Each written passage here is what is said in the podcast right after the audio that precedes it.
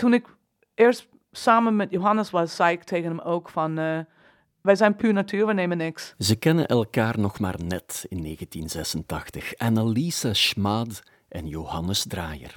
Maar ze maken meteen klare afspraken. Dat doen we niet.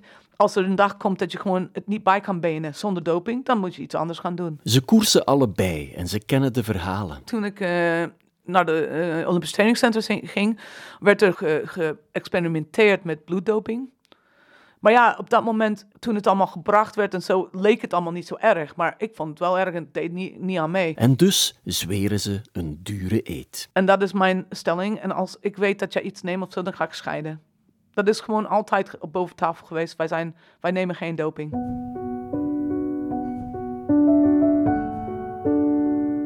Anneliese Schmad, 23 jaar, begeleidt in september 1986 op het WK in Colorado Springs het Nederlandse nationale amateurteam. Ze woont in de buurt en ze kent de omgeving. Ja, ik ging naar het ontbijt op een ochtend en recht tegenover mij zat Johannes. En ik, ik keek hem aan en ik dacht, jeetje, dit wordt mijn man. Johannes Draaier. Een atypische wielrenner, een wat zwijgzame Fries van 24 met een voorliefde voor de trompet en een ingenieursdiploma op zak. Ik wist het gewoon, een ingeving, ja. En hij zei, eh, ik dacht dat hij zei, ik heet Johan, dus ik had in mijn dagboek, of ja, mijn agenda zeg maar, mijn, eh, had ik geschreven van, vandaag heb ik Johan ontmoet, want dat wordt mijn man. Ja, ik wist het gewoon. Twee maanden later emigreerde ik naar Nederland en ik ben eigenlijk niet meer teruggegaan. Voor mij was het een, eh, een soort tijdsreis, zeg maar, terug in de tijd. Want zij waren boeren en ehm, in een klein dorp van 600 man, hè, Sondel in eh, Friesland. En ja, het waren kerkgangers en, en boeren en heel eenvoudige mensen en ook heel lieve mensen.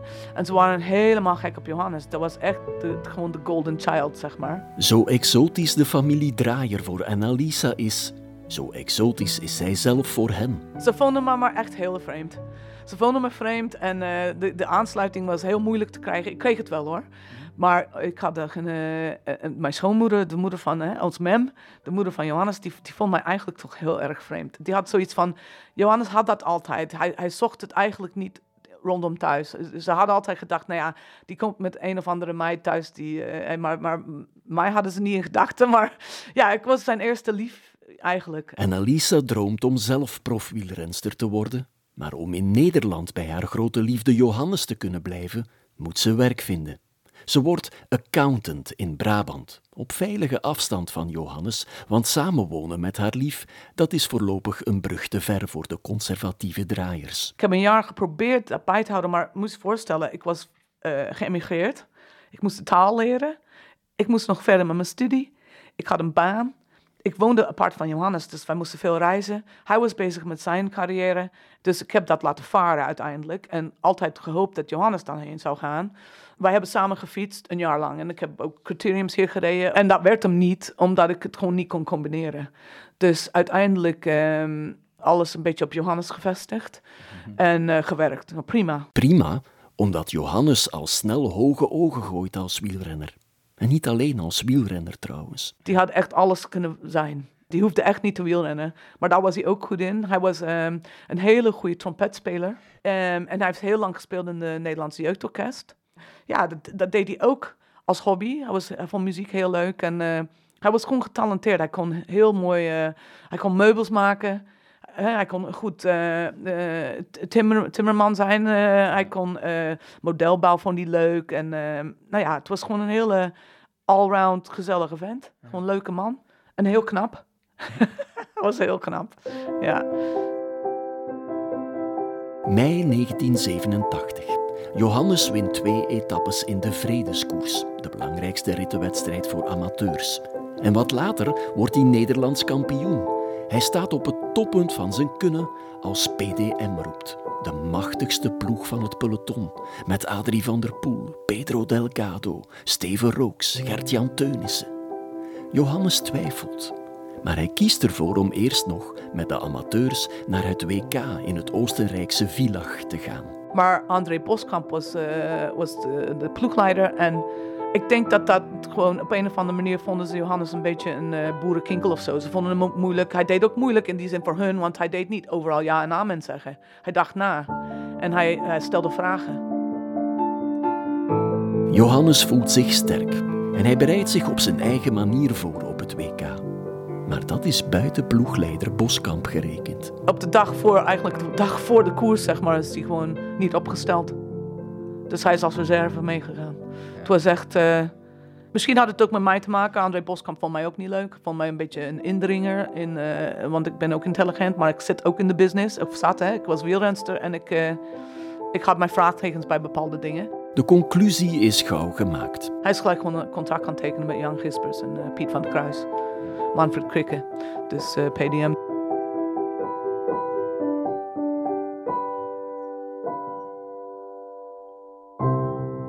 Maar ik denk dat, um, dat de wereld van beroepswielrennen heel hard was voor hem. Ik denk dat hij dat niet heel goed ingeschat heeft. Wat voor effect dat op hem zou hebben. Met name in de ploeg PDM.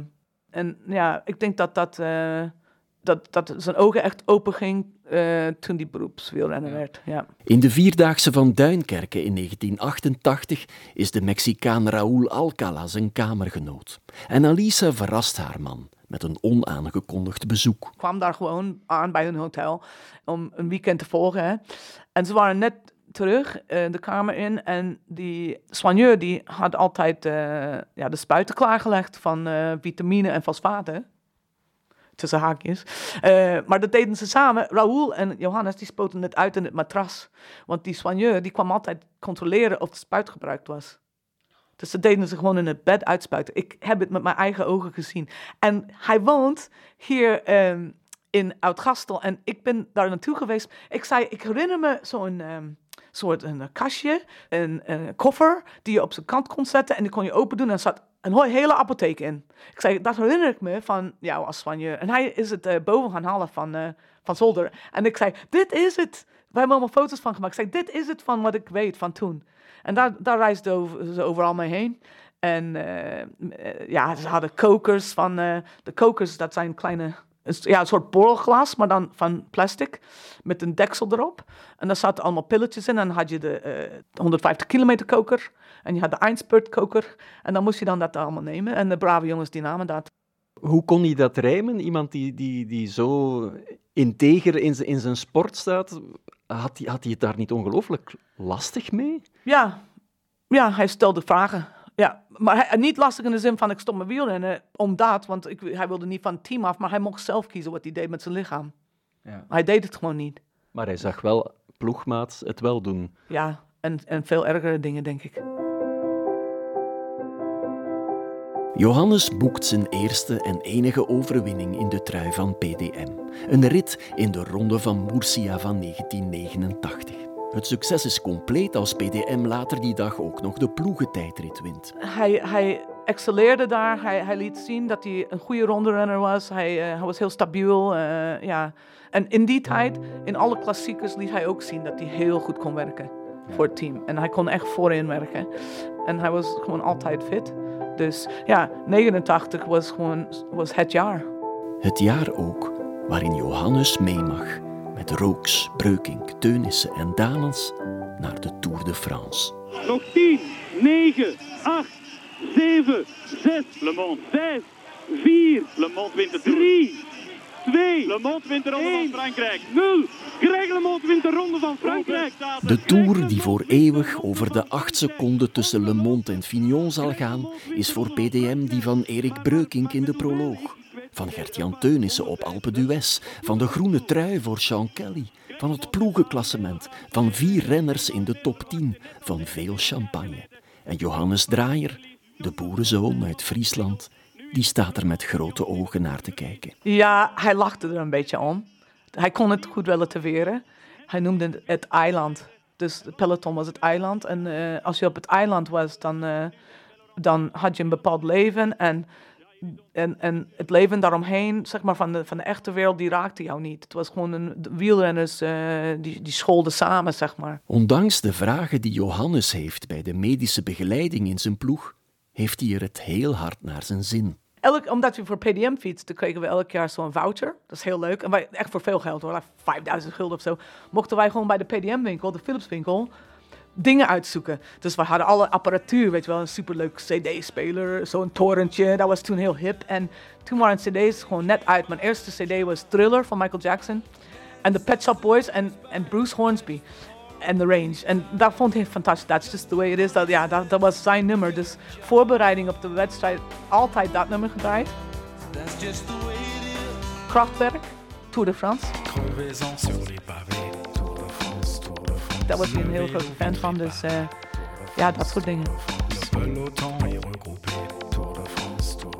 In het voorjaar van 1990 bereidt PDM zich voor op een bevestiging van de Wondertour van 89.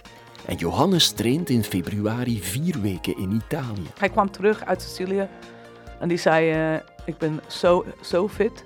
Ik was de fitste van heel PDM. In uh, de voor, voorprogramma van uh, Siciliaanse Wielenweek.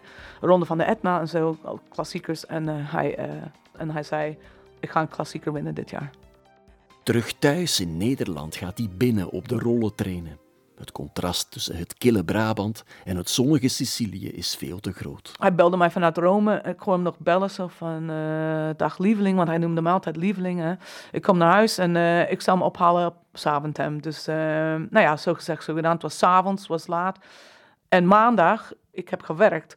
En hij heeft gewoon op de rollerbank gefietst, want hij, had, hij was moe. En hij had zoiets van, ik ga niet op de weg fietsen. Het was koud, een beetje sneeuwen, het was geen goed weer. En we hebben samen gegeten, was hartstikke gezellig. Maar hij was moe. En uh, dat is het enige teken wat ik had dat, uh, dat hij niet in orde was. Hij was gewoon, hij zei, ik ben best wel moe. Maar hij was echt zo heel, uh, heel verheugd van, ik ga een klassieker winnen, maar ik heb goede benen en dit en dat. En vroeg naar bed en ehm, nou ja, het was twintig, zeg maar tien voor half zes. En ik, ik werd wakker, ik, ik ben wakker gemaakt door zijn uh, uh, roggel, zeg maar, zijn uh, laatste ademhaling. Je weet meteen van, al weet je niet wat dat is, als ik jou vertel, dan weet je niet hoe dat klinkt. Maar als je dat hoort, dan weet je van, dit is niet goed. Het gaat e-, echt iets fout hier. En hij was niet bij kennis. Dus ik, ehm, en ik heel gek, want ik ben uit de kamer, ik had een telefoon naast het bed, maar ik ben beneden gegaan om te bellen. Dus op een of andere manier wilde ik me uit die situatie uh, nemen. Ik ben uh, 0611 gaan bellen. En toen ben ik naar buiten gerend. Het was aan het sneeuwen, het was koud. En ik ben stenen tegen de ruit van onze buren uh, gaan tikken. Um, om ze wakker te maken. Ik zei, Johannes is, uh, is overleden. Ja, nou, dat zou wel meevallen. Hè. Die, die dachten van, die is gek. Maar het was, want ik, ik had teruggegaan en ja, hij ademde dus al niet meer. En ik kon hem niet reanimeren. Op een of andere manier is dat, als het ook jouw jouw echtgenoot is. Op, ik, dat was een barrière voor mij op een of andere manier. En, en ik sloeg hem, weet ik nog, op zijn borst zo van... Je gaat mij niet zo verlaten.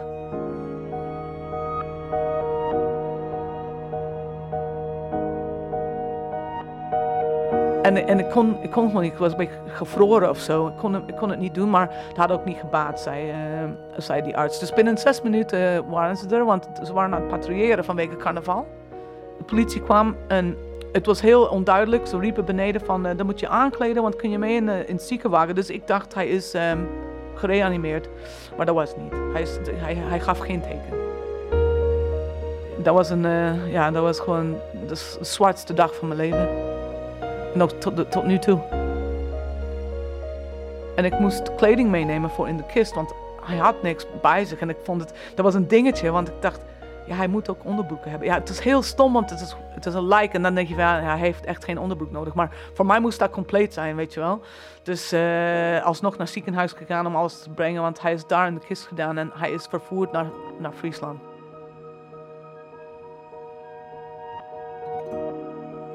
Nog voor de begrafenis van Johannes krijgt Annalisa ook een telefoontje van Piet van der Kruis, een van de teammanagers van PDM. En hij zei: pak alles wat op een pil lijkt, of een flesje zeg maar, en gooi het in een tas en breng het naar mij toe. Dat is letterlijk gezegd tegen mij door de leiding van PDM. Dus die waren bang. Yes. Yes. Ik heb het ook gedaan. Je hebt het gedaan, ja. ja. ik heb het wel gedaan, omdat ik dacht, jeetje, ik wilde geen problemen. Dus ik heb het gedaan. Maar um, ja, dat zal ik nooit vergeten.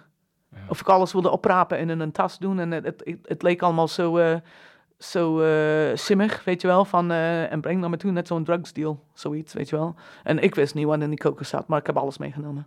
In de media wordt Johannes Draaier nu in één adem genoemd met Bert Oosterbos en Connie Meijer, twee Nederlandse wielrenners die kort daarvoor plots zijn overleden. Ik heb jarenlang zijn naam verdedigd en moeten verdedigen.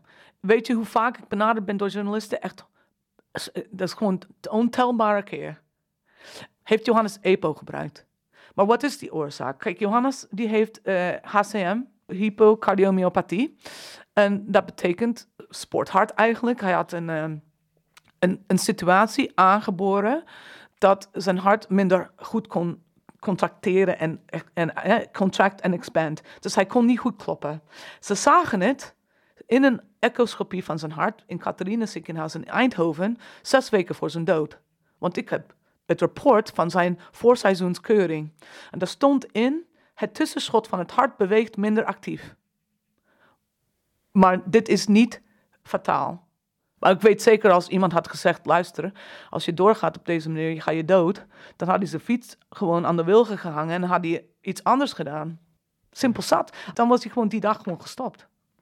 Geen twijfel. Ja, want zo, zo sterk was zijn passie. Niet voor wielrennen. Het was passie, maar hij had ook zijn passie voor zijn leven was veel sterker. Ik heb alles nog van Johannes. Al zijn um, sportkeuring, uitslagen, want hij had regelmatig keuringen hè, van uh, eh, PDM was hij goed onder controle. Stond er ergens iets in over gebruik van middelen? Niks. Helemaal, wij vonden niks. En uiteindelijk was de conclusie van ons dat het echt zo was. Hij heeft gewoon niet gebruikt. Maar het was wel het jaar van de opkomst van EPO. Ja. 90. Toen is het gebeurd. Toen is het gebeurd in PDM. Ik hoor, ik wist dat niet eens van het bestaan van EPO tot zijn dood. Toen de verhalen allemaal kwamen. En het is nooit echt gezegd van, uh, het is nooit echt, want dat ze niet konden bewijzen dat het zo was, maar een beetje zo die, de lucht zo ervan, hè, zo van een beetje van uh, alluderen, zo van ja, EPO was een PDM en hij heeft vast gebruikt. En ik moest dat altijd aanhoren en, en ja, altijd verdedigd. Ik heb ook alle bewijzen van uh, sectieuitslagen laten zien dat hij echt een aangeboren hartafwijking had. En als wij dat geweten hadden, was hij gewoon gestopt.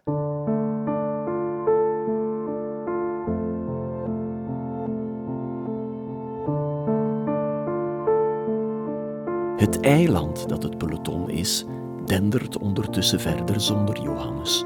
Gelijk de dag of twee daarna, ja, zeg maar de week erop, ben ik naar een koers gegaan. Omdat ik, uh, ik moest ergens zijn waar ik hem voelde. Dus ik ben naar een koers, ik mocht naar alle koersen, ik mocht in de ploegbus zitten en zo. En uh, ik was echt niet welkom hoor.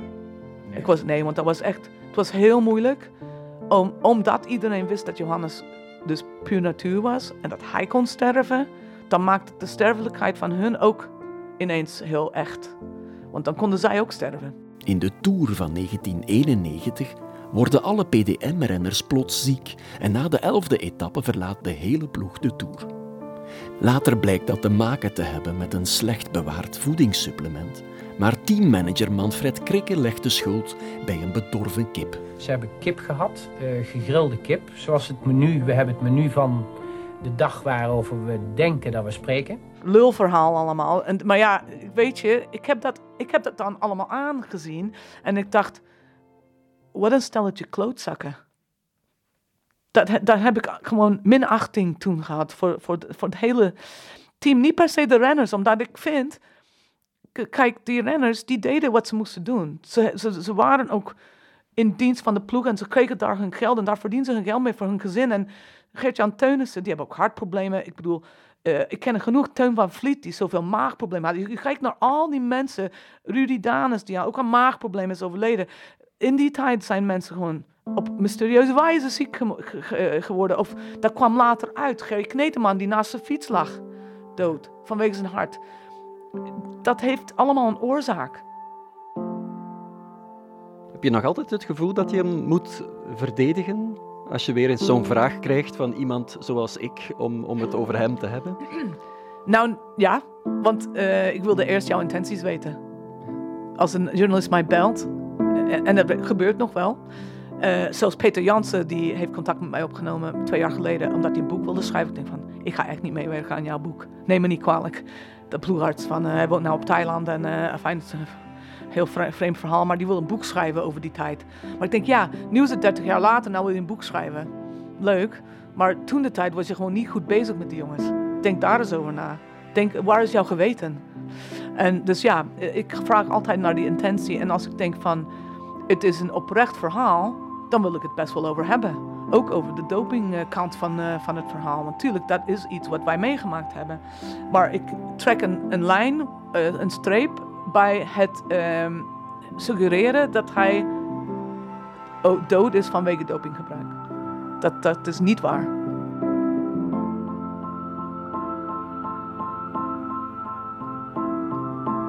Als je ooit doping gebruikt, scheid ik van je, had Annelisa jaren daarvoor haar man gewaarschuwd. En nu de dood hen definitief gescheiden heeft, roept iedereen dat het doping was.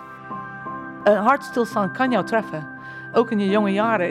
ik bedoel, wij zijn het bewijs daarvan, maar er zijn zoveel. En, uh, en zorg dat je gewoon heel goed uh, op je lichaam let. Want dat geld is tijdelijk.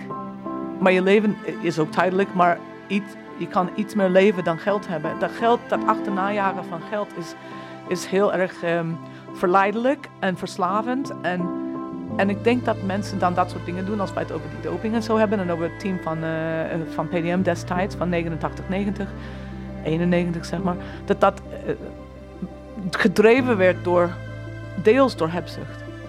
En dan vind ik dan heel erg jammer als mensen hun leven verloren hebben daardoor.